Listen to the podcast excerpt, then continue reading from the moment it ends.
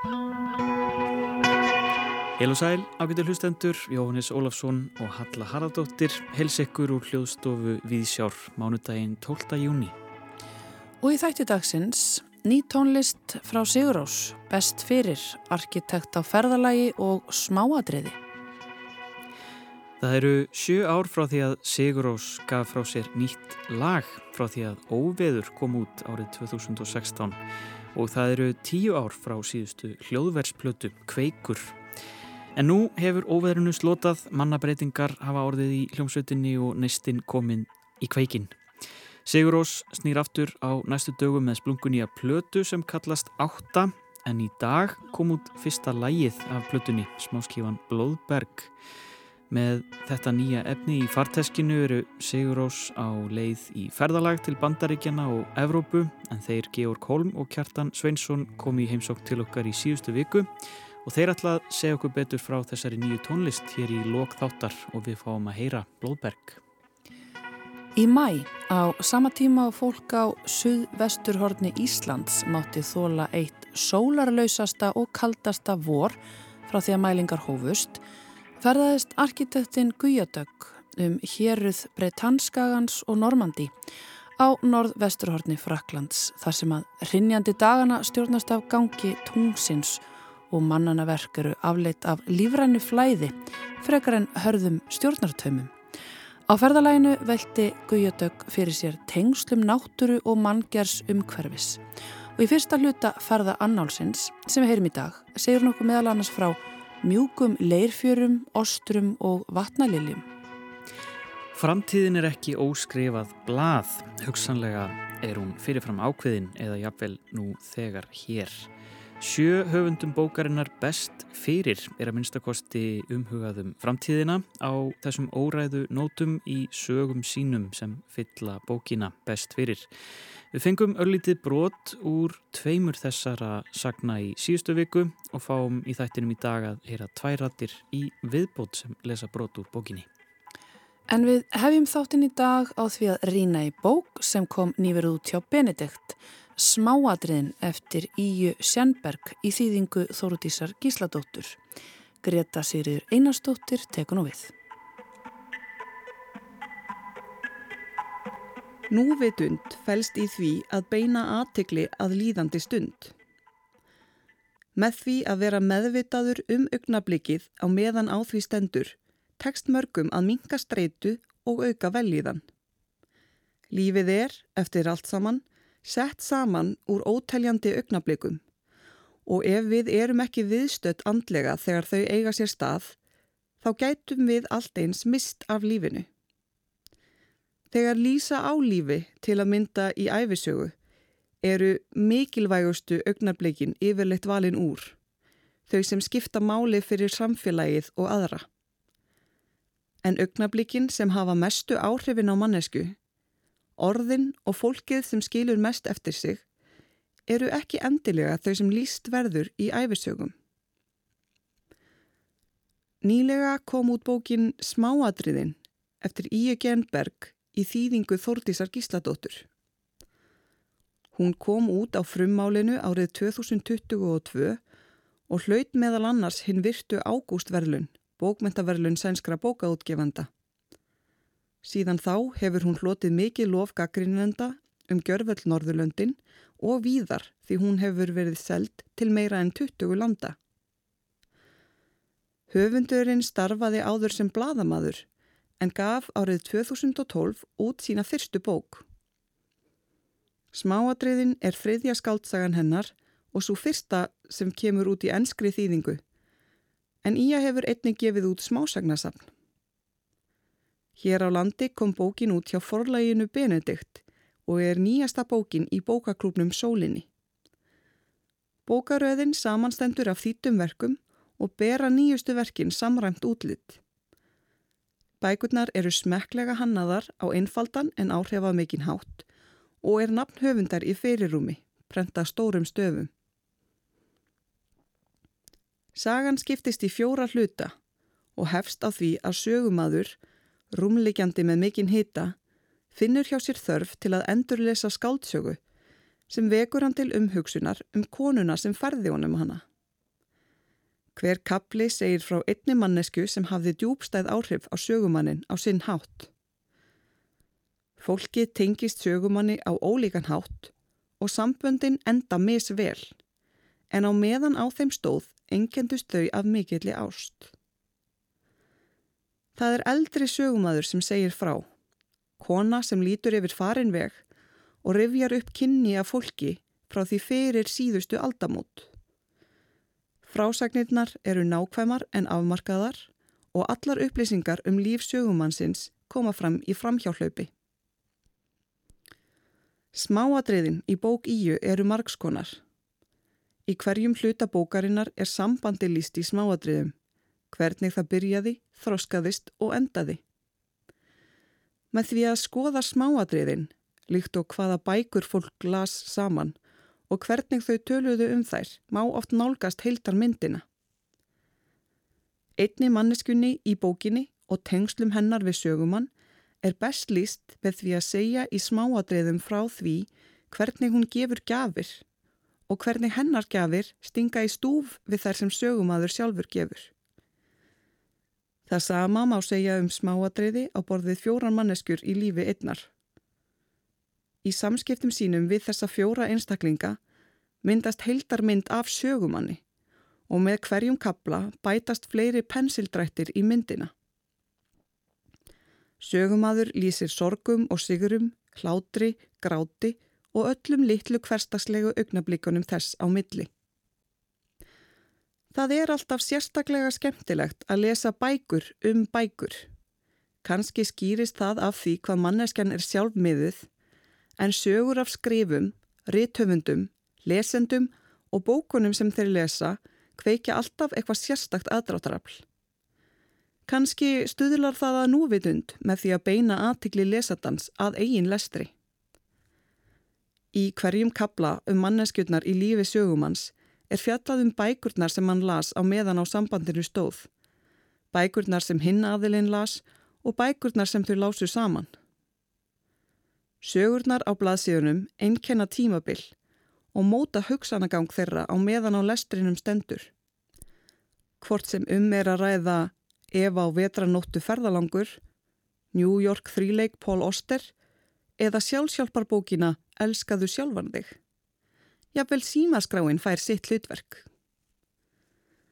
Það skal þó tekið fram að personurnar í þessari bók sitja yfirleitt ekki við að fletta gegnum Dan Brown eða Daniel Steele. Fólki les frekar ljóð eftir Tranströmer og Bukowski og bækur eins og Blikktrómuna eftir Gunther Grass og bókasafn Nemo skipstjóra eftir Per Olof Engqvist. Auk helstu dýrgripa sænskra bókmenta sem ég kann minni skil á. Það er einhvers konar afreg að svona stuttri skáldsögu takist á sama tíma að minna mann á hversu stort hlutverk bókmentirnar sem maður kynnist á lífsliðinni spila og sína manni um leið hversu mikið af helstu heimsbókmentunum maður á eftir að merkja við á leslistanum. Þýðing Þórtísar Gísladóttur er lipur og rennur vel. Orðfærið er litrikt og hæfir tekstanum. Nokkur orð komu mér jafnvel spánst fyrir sjónir en stutt leit á vefnum síndi mér að skrattarastelling og dartklúpur eru orð sem hafa verið notuð í íslensku þó þau fái ekki að skína oft. Ég nöyð þó um þá ákverðin þýðanda að láta suma bókartilla standa á sænsku, suma á íslensku og enn aðra á ennsku. Væntalega fá þær bækur sem hafa komið út í íslenskri þýðingu sinn titil, meðan þær sem ekki hefur verið snarað á heið ástkjara eilhýra halda titlinum á frummálinu. En þetta flekti aðeins málinn fyrir lesanda sem er skammarlega illa að sér í sænskunni. Smáatriðin er stutt bók en felur í sér heilt líf. Þjættriði net bókmenta og menningartilvísana hjálpa til við að mála þjættamind af fjórum samböndum og jafnmörgum tímabilum í lífi hins forvitnilega sögumans. Bókin er meistaralega smíðuð. Hver kapli dregur upp skýra mynd af mannesku og sambandi sem skilur mikið eftir sig.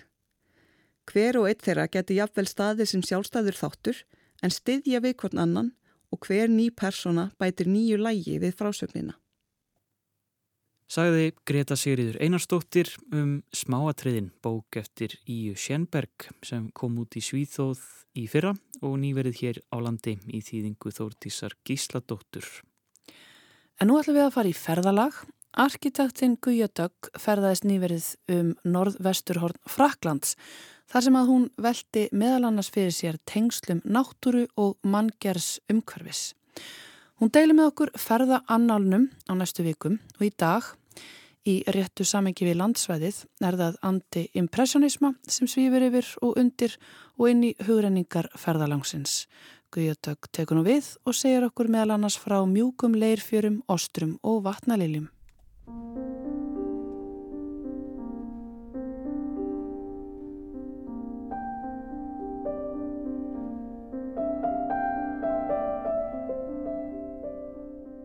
Það er myllt í veðri og skíaþeknið sem hangið hefur í loftinu síðustu daga er loksins á hægu undanhaldi fyrir ljósblári heiðríkju og dún mjúkum hálfgegnsæjum skíabólstrum sem liðast varlega um heiminin. Eftir nokkun akstur með þéttan trjágróður á ferðminni um hefðbundna sveitavegi Bretanskagans á norðvesturluta Fraklands opnast landslæðið skindilega og vegurinn likur niður á við í eins konar fjörð með brattar hlýðar begja vegna bottsins, botts sem ætti að vera fullur af glitrandi sjó en byrtist hér þess í stað eins og lungamjúk eidimörk dúandi leirs með lífrænar pensilstrókur mismunandi litatóna á ljósbrúnum skala í blandið fín opna æðatekningu grænþörunga. Dúnmjúkir drættir og dúnmjúkir litir sem alla jafna leynast sjónum okkar undir yfirborði hafsins. Ætti að vera, segi ég, alla jafna en ekki núna því það er háfjara á þessum einstaka stað með víðáttumiklar leirfjörur sem tegja sig út undir sjóndeildarring í áttað hafi og inn langan fjörðin í áttaþorpinu Seint Brjökk sem sérst ekki einu sinni híðan því landslæði liðast um á vegi sínum þangað. Háfjara og allt er um kyrt, segi ég, en hér er vinnutakturinn og landslægið samofið gangi tunglsins sem stýrir því hvort hægt sé að róa til fiskjar eða ekki með gríðarlegu mun á flóði og fjöru, sítefandi samt með saltvatnið sem álast limskulega í aðra hvora áttina út fjörðin eða inn, nánast án þess að maður verði þess var fyrir en landslægið er orðið gjör breytt. Til að undirstryka þessa förðulegu sjón liggja litlir bátar eins og fiskar og þurru landi á víð og dreif um mjúkan leirbotnin, hallandi sitt á hvað líkast stórum skeljum í gríðarstóri fjöru. Sumir bátana eru tjóðraðir við stöyra eða hlaðna veggi sem liggja þráðbeint frá landi en aðrir virðast bara hafa dagað uppi þar sem þeim voru þegar fjaraði út. Dagspyrtan er samofinn þessu sérstaka fyrirkomula í flóðs og fjöru því breytilegt vassinnihald fjardarins endur speiklar byrtunni af himninum á ólíkan hátt, stundum mildilega og drömkjent, stundum kvast eða harkalega. Franski listmálarinn Claude Monet, sem kentur er við impressionisma og málaði helst utandira, lýsir þessu á heitlandi hátt. Það er haldföst skoðun mín að ekki sé hægt að einskorða landslag við eina ákveðina byrtingamind, segir hann. Landslag byrtist okkur á ólíka vegu allt eftir umlíkjandi andrumslofti staðarins hverju sinni. Fyrir mér er það andrumsloftið, það er síbreytileg byrtan og loftið á staðunum sem dregur fram raunverulegt intak landslagsins.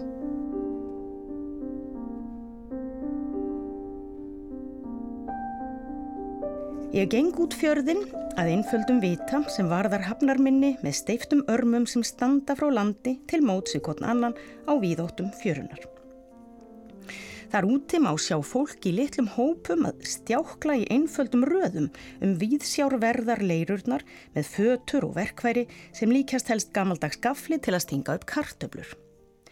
Eftir að rata varlega á stað án þess að slæðast í potla með kviksindi, stöðvast hóparnir og fólkið byrjar að grafa eftir skjelfisk sem lagður er í föturnar, yðja sem ég ímynda mér að hafa verið ástunduð á þessum slóðum lengur en eldstu menn muna.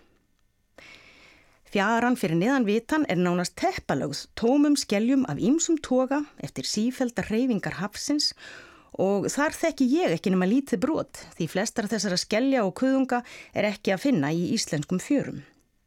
Hér eru skelljarnar ímist í rjómakvítum tónum eða svartleitar, alveg til samræmis við ljósleitan sandin í fjörunni og svarta steinkviku eða óvænta kunnuglega hraunstrengi úr eldsumbrótum fyrir tíma. Skelljarnar eru flatar og kúftar, skortnar og slettar, heilar og brotnar. Stærstar skelljana eru auðvitað ostruskelljarnar sem eru jafn ófrínilega krumpaðar á ytra byrði og þær eru silki mjúkar og töfrandi að innanverðu. Ég ímynda mér að þær séu eins náttúrulega til ordnar og hægt er því skelljarnar eru afar þykkar og óreglulegar nánast eins og mótaðar af sjávarþursa höndum og voldugum öldum hafsins í bland. Ástrur gærdagsins voru öllu fínlegri með reglulegt minnstur vakstarringja í einkennandi litapalettu frá drapplitu yfir í ljós fjólu blátt.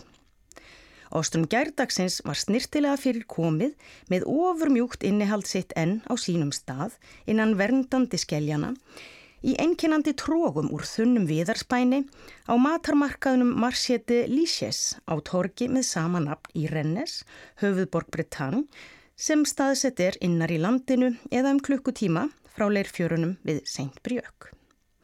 Þessi stóri markaður hefur verið starfræktur hér síðustu 400 árin og er næst stærstur sinnar tegundar í öllu Fraklandi. Taktfast eins og flóð og fjara er hér markaður frá því klukkan hálf átta til hádegis hvert lögadagsmorgun allt árið um kring. Taktfast fyllist torkið í blá bítið af sölubásum og sölufólki með matvæli úr héræði og taktfast fylgja viðskiptavinirnir eftir með töskur sínar og póka að sækja sér ráefni í máltíðir vikunar. Líkast til eru það ófái rennesbúar sem heimkomnir á markaðnum hafa matriðt ostrunar sínar þetta fallega laugataskvöld með sambærilega upplifun og rítvöndurinn Ernest Hemingway sem lísti því þannig í bóksinni A Movable Feast eða Veistla á ferð. Þar sem ég átt ostrurnar með sinn sterka keim af sjó og fínlegt bragð af málmi sem kallt kvítvinnið skólaði burt þannig að aðeins stóð eftir sjávar ilmurinn og safarík efniskent holdsins og þar sem ég drakk kaldan vökvan úr hverri skél og skólaði niður með stökkri áferð vínsins, þar kvarf mér tómleika tilfinningin og ég varð gladur aftur.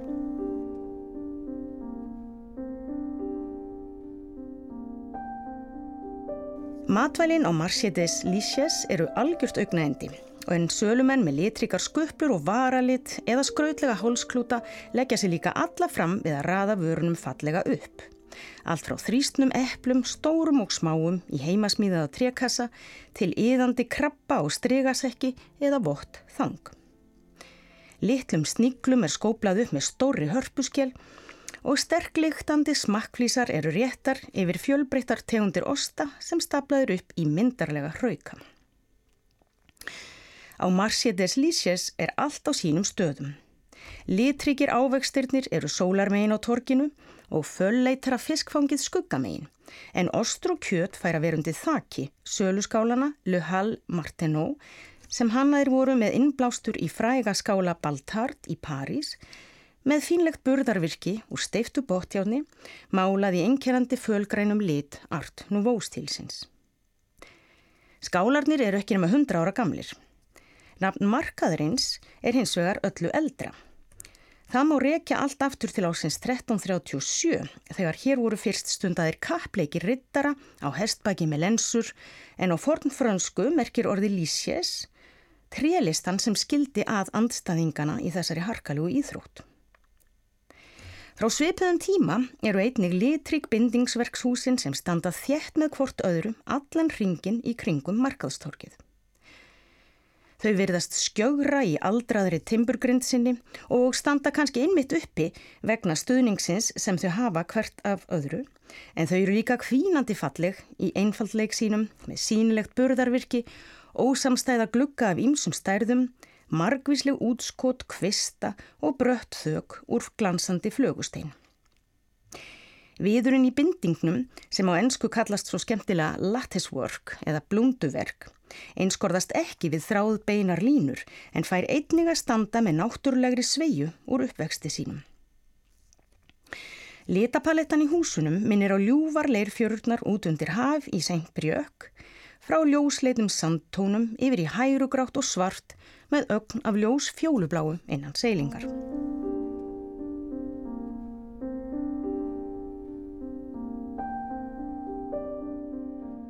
Lífrænt formið og drömkendir litirnir minna á skelljarnar í leirunum og þeir minna líka á málverkin hans Móni sem vakna fyrir hugskottsjónum mér eftir heimsók mína í Musei Marmottan í París nokkrum dögum fyrr.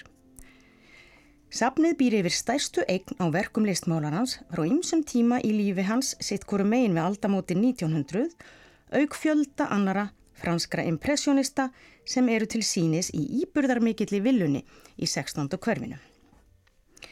Haft er eftir Móni að hann hafði engan áhuga haft á að mála ákveðin fyrirbæri í sjálfu sér, svo sem báta eða blóm, heldur hann leitast við að mála óáþreifanlegt loftið sem umlikur bátin eða blómið. Og það má alveg fullir það að andrumsloftið í síningarsalnum sé þrungið byrtu sem stafar frá málverkunum sjálfum, byrtu sem liggur í myndefninu með endurspeglun skíjaðs heimins í kyrt vatn eða fínlegt lauðþykni í sterku sólskinni og sumargjólu.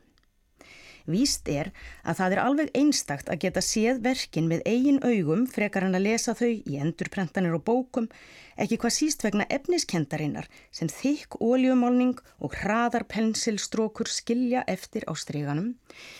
Efniskendar sem grýpur ljósið á mismunandi hátt allt eftir því hvaðan hort er á myndina. Þegar farið er alveg að myndfletinum renna formin saman en litirnir tefa eða anda eins og myndin sé við það að liftast út úr stryganum og út í rýmið. Grófgjert málverk af vatnaleljum á ljósleitum grunni skóartjarnar virðist mér eitt augnablík vera byrtingarmynd ostruskelja á þunnu skæni sjávar þegar nýfarið er að falla aftur að landi. Til þess að sjá verðum við að gleima heiti þess sem horft er á segir Móni glaðbeittur handan tunglsins á næturhimninum.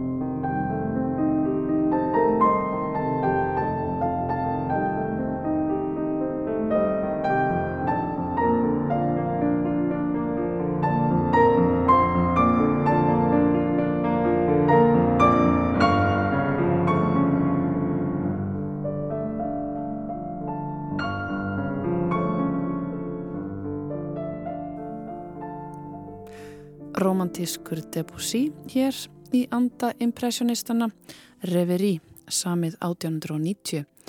Þetta hljómað hér undir lok hugleðinga Guðjudaggar, arkitekts um samband manns og náttúru á vesturhorni Fraklands.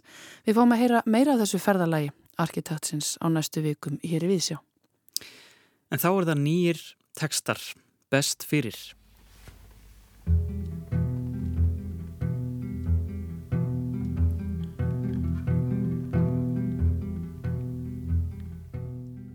Margreit Eymundadóttir, Flögtandi sál. Miða við hlínandi viðfar hef ég miklar efasemtir um að nokkur utanlandsferð, korki mín í annara, sé þess virði að vera farin. Hvaða gjörðir eða aðtapnir eru nógu mikilvægar til þess að hægt sé að réttlæta brennslu á orgu sem er svona augljóslega takmarkuð og óæskileg. En flestir fljúa sem aldrei fyrr. Hvers vegna hegðum við okkur svona?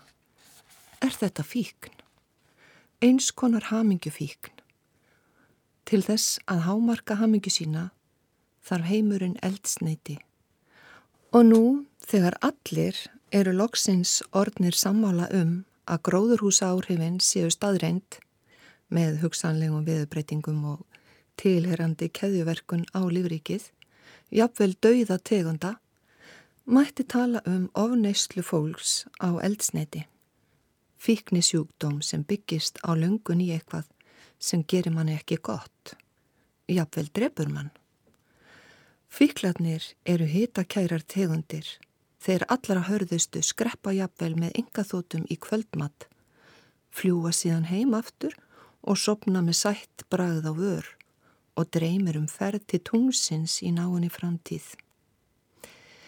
Fyrir 20 árum var það orði vel þekkt að aukin bruni á eldsneti ylli auknum hita á jörðinni. En fólk hafði ekki svo mikla ráðugjur á því. Ekki þá. Í einfældni minni held ég að í umhverjusfræði sem ég lagði stund á þá fælist einhvers konar afstafa með náttúrinni vegna þess að rótfræðigreinarinnar lág í umhverjusvend. Mér skildist loks að umhverjusmál eru oflókin til þess að hægt sé að veiða upp úr þeim einhverja haldbæra afstöðu, ekki einu sinni með náttúrinni. Við horfum upp á muldrandi og niðurlútan vistfræðingin draga sér í hlið þegar uppreysna gjarn almenningur í leita sérstöðu og valdi öskrar að lúpinan sé frábær. Og við höfum öll heyrt af auðlindafræðingnum sem helt eitt augnablík að hann hefði fundið sannleikan speiklast í hinnu sér íslenska fiskveðistjórnunar kerfi. Þetta er ekki brandari. Svona er þetta því miður á fleiri sviðum. Þegar Íslensk stjórnvöld ákvaðu að hefja óljuleit á drekasvæðinu, áhugavert nafn, undir fórustur á þeirra sem þá var formaður þess einaflokks á Íslandi sem kendi sig við umhverfisvend, gerði félag guðfræði og trúabræðanema aðtúasemt við áallinuna. Mér lærðist fljótt að tekist hafi að þakka niður í hugmyndafræðinni sem Ólaf sér umhverfisfræði. Vísindamenn eiga að leytast við að hefja sig yfir skoðanir, hvað sem það nú þýðir. Umhverfismál er orðin bitbein fólks á flestum sviðum og trúverðuleiki fræðimenna dreygin í efa. Það er því forvitnilegt að aðtuga hvað veldur því að hlínunjarðar og lofslagsbreytingar ná nú eirum fólks. Er það vegna þess að veðrið er að breytast á meiri hraða en áður? Eða er það vegna þess að nú eru allir sammála um að veðrið sé að breytast? Og ef svo er, hverjum hefur þó tekist að koma þeirri hugmynd á kortið? Hún las sögur til að fara inn í annan heim. Hún las aftur og aftur það sama og kom sér fyrir í æventýrinu. Að eiga heima í bók gæti verið ágætist tilbreyting frá heiminum sem hún hafi fæðist inn í. Þar voru personutnar litríkar og áhyggjulausar. Ef það gerðist eitthvað hræðilegt, þá komu nokkur tár, eins og greri um heilt í lók bókarinnar. Það fannst henni bestu bækur og þá gæti það verið þess virði að lesa eitthvað hættulegt, eins og drekasögur. Einu sinni, endur fyrir löngu, opnaði stjörðin og upp úr henni kom ekki eldgós heldur dregi.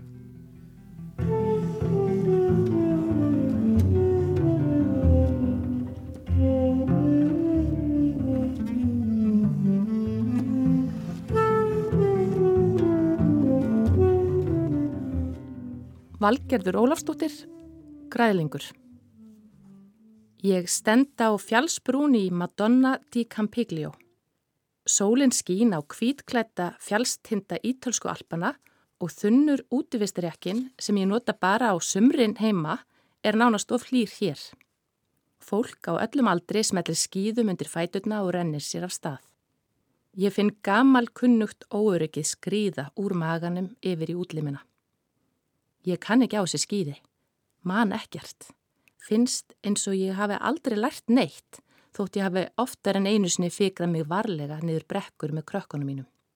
Ég hef enn ekki rent mér neitt að ráði í dag, bara rétt að skýðaliftunni, en er nú þegar komið með stingandi krampa í jarka begja fóta og tærnar farnar að dopna.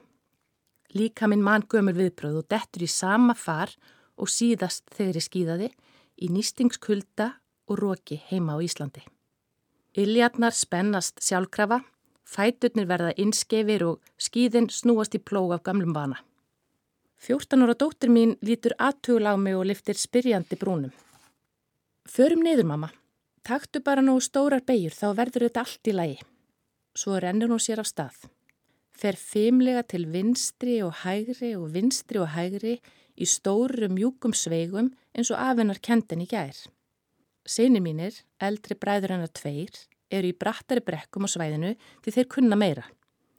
Þeir lærið að skýða með ömmusun og afa þegar hún var enn of ung til að vera með. Ég renni mér á eftirinn með skýðin pikkföst í plógi. Innanverð lærin eru nú þegar í fyrstu brekku yfir spennt. Líka minn vill ekki að ég fari mér að voða. Farðu bara undan, ekki býða eftir mér, rétt nægi að kalla áður en dóttir mín hverfur á flegi ferð úr auksín. Hún er hugrökk, móður betrungur, býr yfir eiginleikum sem ég vist mikilvægt að leggja rætt við. Hún er ákveðin og þraut seg, skapandi og tilfinninganæm og hún storkar gerðan kvíðanum í staðis að leifa honum að stjórna sér. Er heil í því sem hún tekur sér fyrir hendur. Ég þvinga mig á stað og finnst erfitt að sleppa tökunum. Held aftur af hraðanum af óta við allra nánustu framtíð, næstu sekundur sem ég vendum eru. Hvað ef ég fer á frætt í næstu beigju? Hvað ef ég missi stjórn og skíðunum? Hvað ef ég skíða á fólk, meiði aðra, detta höfuðið, hálsbrotna, fæ heilaskaða? Ég finn svitan, renna niður bakið og tár streyma á rauðru augunu. Þarf ég virkilega að gera þetta næstu daga? Túli og skíðakennari hittur okkur maðgur á umsöndum stað við skíðalifturnar. Hann brosir breytt og færir sólglirun upp á enni svo við okkur blasir gladilegt andlit. Veðrið húð kiprast kringum glettin augu. Vala, your biggest problem is, segir hann við mig með sínum sterka ítalska reym, that you are too afraid. Mundu að þú ert ekki trið. Sjáðu trén, þau vaksa beint upp úr brekkunni og rík halda sér með rótum í jarðvegin. Þau halla ekki. En þú ert skíðakona. Til þess að komast niður verðuru að hatta þeir fram og niður í brekkuna. Tré vaksa beint upp en skíðakonur fram og niður brekkuna. Allora bene. Let's go. Hann rennir sér að stað og ég á eftir honum ofan í hans spór. Hann hallar líka með til hægri og breyður út faðminn og ég her með eftir. Svo hallar hann sér til vinstri og breyður út faðminn og ég her með aftur eftir honum. Rétt á njánum, standa upprétt, snúa skýðum og beigja hnið og hallaði nú fram, fram og niður í brekkuna. Já, brava. Og svo aftur það sama. Rétt á njánum, standa upprétt, snúa skýðum og beigja svo hnið, halla fram og niður í brekkuna. Bravissima, þetta er betra. Dótturðin er fyrir rætt fram, flott hjá henni. Vinstri hliðin er fullkominn, svo hægri aðeins síðri.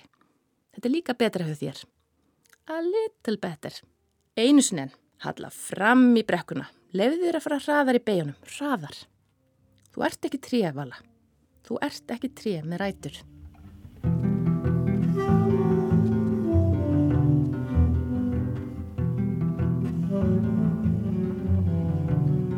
Fragments, brot, þetta er tónlist eftir þá Óskar Guðjónsson og Skúla Sverjesson á plötunni Box 3 við heyrðum þarna lesin brot úr bókinni Best fyrir eftir sjö höfunda sem allir hafa hugan við framtíðina.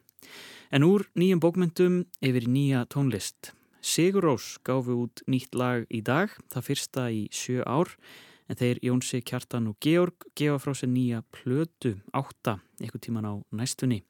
Þeir félagar eru haldnir á vitt ævindirana í tónleikaferð en við sjá náði skotti á þeim Kjartani og Georg sem sáðu okkur frá þessari nýju tónlist. Georg Holm og Kjartan Sveinsson verið velkomnir í Viðsjá. Takk, takk hjá það. Sko, ef ég byrja á þér Kjartan, mm. nú ert þú að koma aftur að borðinu, uh, Sigurósa borðinu, eftir nokkra ára fjárveru. Já.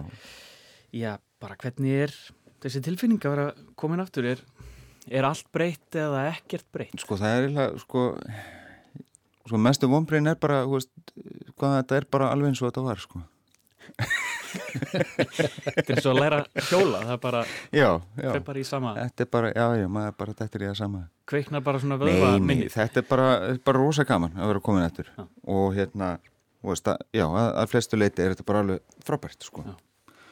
Og, uh, já, já, fyrir utan kannski, veist, það er svona, svona álagspunktar náttúrulega hér og þar kannski sem að, hérna, maður saknar ekkert sérstaklega, en, en hérna, Mhm. en hérna, þetta er bara rosa gaman að vera Já. komin eftir, spila, spila með strákunum og, og, skapa og það Já. er bara, þetta er svona, þetta er svona, svona heimahöfn sem er rosa gaman að koma í eins og segir, ég meina það er búið að vera smá ókýrð uh, í kringum Sigurós er þá ekki já, hvernig lítið þið á þetta svona ég að segja comeback? Eða þessi plata er allt önnur tilfinning einhvern veginn að, að gefa út músik frá sér á þessum tímpúti, þetta augnablik? Góð spurning. Um, Sko já og nei Ég myndi ég sér loðunasta svar sem til er í heiminum reyndar. Gott að byrja á því. Um, Gott að byrja á nei, já. Uh, Já, kannski að því að sko tónlistarheimin hefur náttúrulega breyst. Alveg heilmikið í raun og veru. Ég, sko, þegar að síðasta plati kemur fyrir tíu ára síðan þá er Spotify til dæmis bara svona rétt að byrja í veist, streaming, svona, já, streymisveitur eins og víst, víst, sko, Mhm. eru svona rétt að byrja. Þannig að, veist, og við höfum ekkert gefið út í raun og veru, í kannski þessu þessum heimi í raun og veru, sem er þessi bara svona pjúra streymis heimur, sko. Nei, þannig að ef maður hugsa út í að þannig þá kannski er það svolítið öðruvísi. Uh, ég held samt fyrir okkur er bara að gera plötu og gefa hann út er bara alltaf einhvern veginn sama, svona svipu tilfinning allavega, já, alltaf jafn uh, áhugavert, spennandi stressandi frústrirandi, Ég bara maður- allur skalinn einhvern maður er sko. raun ekkert að setja þetta í neitt sko samengi við sko tíðarenda tíma eða neitt svoleiðis, þetta Nei. er bara, bara eitthvað sköpunarverk sem að þarf að komast út Já. e, já. Og, en, og hérna svo er bara einhver aðri sem að þurfa að hafa ágjörði í hvernig þetta, já, já, þessi, hver, hvers formatið er og já, hvað prósessin er. Næst verður þetta okkur hologrammi þetta snýst náttúrulega aðalega bara um, um þessa sköpun að, að hérna, fá útrás fyrir henni og, og komin frá sér. Já, nú er ábyrðin hjá hlustandanum. Já, já, akkurat. Akkurat. Um, sko, lagasmíðarnar á þessari nýju plötu, uh, átta, um, sko, þetta minnir mig, mikið á, á sveigaplötuna og, og svona þetta, þennan sveim tónlistar heim, frekar heldur en til dæmis svona, um, já, það sem var í gangi á, á með suði eirum og, og kveik, sem er svona það nýjasta af, af hljóðvægsplötunum. Er eitthvað svona afturkvarf til þess tíma eða var þetta bara eitthvað sem að var þessi músík bara kraumaðun þarna? Því þessi músík bara, þetta var bara það sem kom til manns. Mm. Það var bara þetta og, uh, og hérna, já, við, sko, út í því náttúrulega semjum yfirleitt alltaf saman í herbyggi, sko.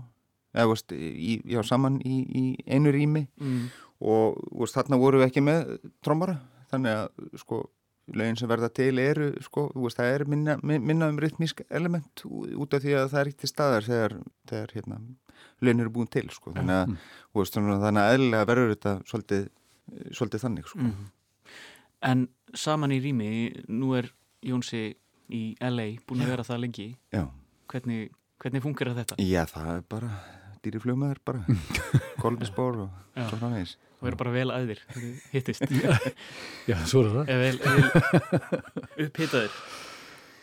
Já, við erum nú í ágætis formi núna sko fyrir, fyrir við erum alltaf spilum svo mikið á síðasta ári þannig að hérna, við, við þurfum ekki að æfa lumurnar neitt sérstaklega kannski en, Nei, en, en við þurfum að æfa, já, dusta ríkja því og, og, en við þurfum svolítið að æfa þessi lög sem að við höfum ekki verið að spila áður. Við erum alltaf erum að fara á hana túr með svona, með svona kammersveit með okkur. Það eru blásarar og, og slagverk og, og hérna strengjanleikarar og þá erum við að taka líka þessar, fyrst og fremst til þess að flytja lögin af þessari nýju plötu sem eru Mhm. svolítið svona, svona, svona orchestration svona heavy eins og þeir segja. Já, já. og hérna já, við, þurfum- við, sko, við þurfum alltaf aðeins að æfa þau lög út af því að þau hefur náttúrulega aldrei flutt. Nei, en já, en út af því við erum með þessari hljómsveit með okkur á þessum túr sem við erum að fara og þá erum við líka að taka eldri lög sem að, sem að, sem að greiðast þess að vera flutt með einhverju svona Mm. stærra, já, viðengi heldur en bara við þrýr, sko. Já, og það eru náttúrulega lög sem mann kannski jafnvel, aldrei spilað Já. eða, eða sjaldan eða langt síðan eða mm. svona sem hefur kannski ekkert verið svona tækifæri til og, og, og er augljós tækifæri núna þar sem við erum með þessa strengisveit með okkur og, og við náttúrulega hlaupum, við svona þurfum að lenda hlaupandi eins og þið segja líka að hérna að þetta, við, veist, við, að okkur langar svolítið að svona þetta sé ekki þetta svona, við, við höfum spilað með strengja sveitum áður og, og svoleiðis en þetta, okkur langar að þetta sé svolítið kannski öðru sem það, þetta er ekki hérna þetta er svona Sigur og og strengjasveitin, þetta er svona þetta er Sigur og strengjasveitin þetta er við með Já. strengjasveitin, þetta er integrerað svona saman. Þetta, þetta verður spila sem ein heild og ein eining. Ekki, ekki hér er strengjasveit sem að eldir okkur, þetta verður svona alveg bara Já, þetta er ekki svona Metallica og, og, og Sigurljósett, sko. Þetta er svona meira þetta er svona, já, við svona göngum í þessa hljósett svolítið. Já, við, einmitt, við, og, og, gerum það bara með auðmygt og, og, hérna, og áttum okkur á því þegar ok, okkar er ekki þörf stígu við til liðar og leifum þeim að njóta sín og þess aftar sko. en að, þetta, þetta ver, við ætlum að reyna að gera þetta bara þannig að þetta sé sem flottast og fallegast með, með strengjum, að tónlistin okkar Einmitt. bara, þetta fá að njóta sín bara sko. Já, Mhm. já, já, og það eru hérna lög sko sem að, þú veist, það er hérna lag sem ég til og með spila ekki í og það er lag sem að kokki spila Já. ekki í og, og stáðu bara fókusin á, á hérna, orkestreininguna og, og, og, og Jónsa. Já, þá fara maður þrýhótt kannski í hendunar akkurat um, En framöndan er náttúrulega tónleikahald þeir að fara út og, og já, hvert er þið að fara? Hvað, hvað er þið að fara að spila? Við erum að fara til Evrópu og, og bandarækina, það voru nú ekki meira í þetta skytti. Já, Nei. Þetta er, já, þetta er svona, þetta er víðsvegar um Európu. Þetta er, þetta er Bretland, náttúrulega, ef Evrópu skildi kalla þess að dana. og hérna, og, og já, já, mikið, mikið um Európu og svo, sagt, þetta er aðalega Európa, það sem við tökum festival, Mm. sem að vera náttúrulega kannski ekki með, með þessum, þessum vera svona hefðbundnari tónleikar kannski, með, hérna, ekki með strengjum og, og þess að þar. Um, Þetta er rauninu sko tannskonu, við erum er að fara sko í þessa, þessa, þessa orkestral hérna, ferð sem eru, þetta er eitthvað 6-7 gig í, í Európu og svo er restin eru þessir hefðbundnu festivalar með Já. rigningu og, og drullisvæði og svo Já, fræðis. og, og svo já, svo kemur það er svona stutt pása, kannski tvær vikur og svo fyrir til bandaríkun og það er bara orkestral. orkestral tónleikar Mhm. og hérna, Já, þannig að þeir eru ekki með sömu sama fólki sem fer með ykkur? Nei, það er ekki sama strengjasveitin sem fer til bandaríkun og er í Európu mm. allavega, og já. Það er, nei, það er sem sagt, í, í, í Európu verður það sem sagt hérna LCO, sagt London Contemporary Orchestra. Og svo í bandaríkun verða sveit sem heitir uh, Wordless Music. Orchestra, já, já, Wordless Music, já. Um, Átta platan, Hva, hvað er hann búin að vera lengi í svona undirbúningi? Hvað er hann búin að vera lengi á teikniborðinu? Það er þetta góð spurning Hún er búin að, sko, eil, sko, við byrjum að semja í, á hana svona 2018. Hún er búin að vera svolítið lengi. En það var náttúrulega líka COVID og, þú veist, Jónsi í bandaríkjörnum og, og allt þetta, veist, þannig að við vorum svolítið að grípa svona, þú veist, þegar við búið að fella niður, hérna, takmarkanir og svona, þá, þá hérna, greip maður tækifæri og, og fór og vann í þessu saman. En annars var náttúrulega svolítið erfitt að koma okkur saman, sko, Já, já þess á milli. Ég man nú meira þess að eina ferð sem fórum til bandaríkjana í stúdíu og það var nú einmitt, það voru voru bandaríki lokuð meira þess að við fengum eitthvað sérstætt leifi til þess að fara yfir og Já, svo reyndar hérna, var nú reyndar svolítið fyndið að því að held ég daginn eftir að við lendum að þá, Já, þá afléttu en hérna, en þannig að við, voru, við reyndum okkar best alltaf að, að vera að vinna í plötinu, en þetta, þetta voru, þetta, þetta er langu tími, en þetta er kannski ekki langu tími á klukkunni í stúdíu, við vorum mjög svona ekki svona með við Nei, ekki miða við, við vorum mjög produktífir og, hérna, og unnum vel og hratt þegar við vorum að vinna. Mm, og hérna, það bara var, leið oft langt á milli þess að við komumst í það. Já, Þannig að- Einmitt, en, en þeir, ég menna þeir eru upptekni menn að öðru leiti, þeir eru að gera alls konar aðra músík og, og Jónsi er upptekinn og já, já, já, já, þannig að það þurft að finna tíma á milli. Áhverjett Já, svo er líka það. Það er náttúrulega það líka sko. Lífið maður. Já, lífið, það er ekki bara Sigurós Nei. Um, Mér langar aðeins að spyrja út í sko máli lesa ímislegt í þetta plötu heiti átta, þetta er náttúrulega áttunda hljóðvers plata Mhm. en uh, ég var með ykkur svona stóra pælingu með að áttan er náttúrulega eilíðar táknið Já. uh, eru þið að loka einhverjum ring? mm, nei, nei, nei, nei, við erum ekkert að því sko. Ekkert frekar sko. Nei. en hérna, nei, nei Nei, nei, það er ekkert sko það er ekki svona definition á baku þetta sko. Nei, ég raun og verið ekki. Með, með þess nú, einmitt, eins og þú varst nú að tala um aðan hérna. það er svolítið gott að, þú veist, með, með átta, átta getur líka verið einmitt svo, að því að þetta er skrifað náttúrulega á TTA þú veist, að, þetta getur líka verið að átta sig á eða, eða verið átta vildur, mér finnst það svolítið gott líka. Vegið Hérna. liggja til allar átt? Ja, allra átta, einmitt og, og náttúrulega, og ef, ef, ef maður hugsa út í eilíðar hérna táknið, þá náttúrulega er það eilíð og lokast aldrei. Þannig að, þannig að hérna, í raun og veru kannski eins og við höfum oft haft gaman af með, með titla og, og annað á, á lögum og plötum og svona og allt bara í kringu sig og svo við höfum svolítið gaman að hluti séu opnið fyrir tólkun og, og við viljum kannski ekki setja of mikla tólkun í það sjálfur að því að það er svo gaman þegar fólk getur hérna svona eins og þú ert að gera svona bara pæl í því þú veist og svona mm, hva, hvað ætli þetta þýðir það er svo bara með allt í lífinu. Mér, mér finnst það persónulega svo skemmtilegt að, að þú getur hort á eitthvað og, og, og, og fólk sér það á mismundi hátt. Mér finnst það eitthvað neða svolítið svona það, gerir, gefur, gefur lífinu lit. Við erum svona, við erum ekki sko konceptband, við erum sko svona eftir á konceptband Mm. Já, það er eldir ykkur uppi. Já, já, já það gerir það einmitt, já. uh, Platan er væntaleg svona á næstu vikum. á, á næstunni. Já, já. uh, en þið ætlum nú að, að gefa okkur smá uh, sínisótt, eitthvað af henni, eða ekki? Jú, þá koma, það er hérna lag nummer 2 á blötunni sem heitir Blóberg Þið sagt mér eitthvað um það? uh, Þetta er svona þetta er svona, svona aftur til ná- náttúrunar lag svolítið, svona, svona huglegging um það, svona eftir á konsept sko Mm. en uh, nei, nei, ég, nei þá er nú kannski erfitt að segja frá læginu svona per se en, en, en jú, þetta er svona lægi sem að okkur finnst svona hafa hefnast svona best í hérna, í mixinu. Mm. alveg rosalána með þetta Mm og hérna, já, Við byrjum á því. Já. Svo bara býðum við spennt eftir. Átta uh, Georg og Kjartan, takk hérlega fyrir komuna og gangi ykkur vel inn í, já, ný Sigurósar æfintýri Já, þakka þér fyrir. Takk hjá fyrir það. Takk. Og hér endum við viðsjá í dag á þessu nýja lægi frá Sigurós sem kallast Blóðberg. Takk fyrir samfélgina og verið sæl.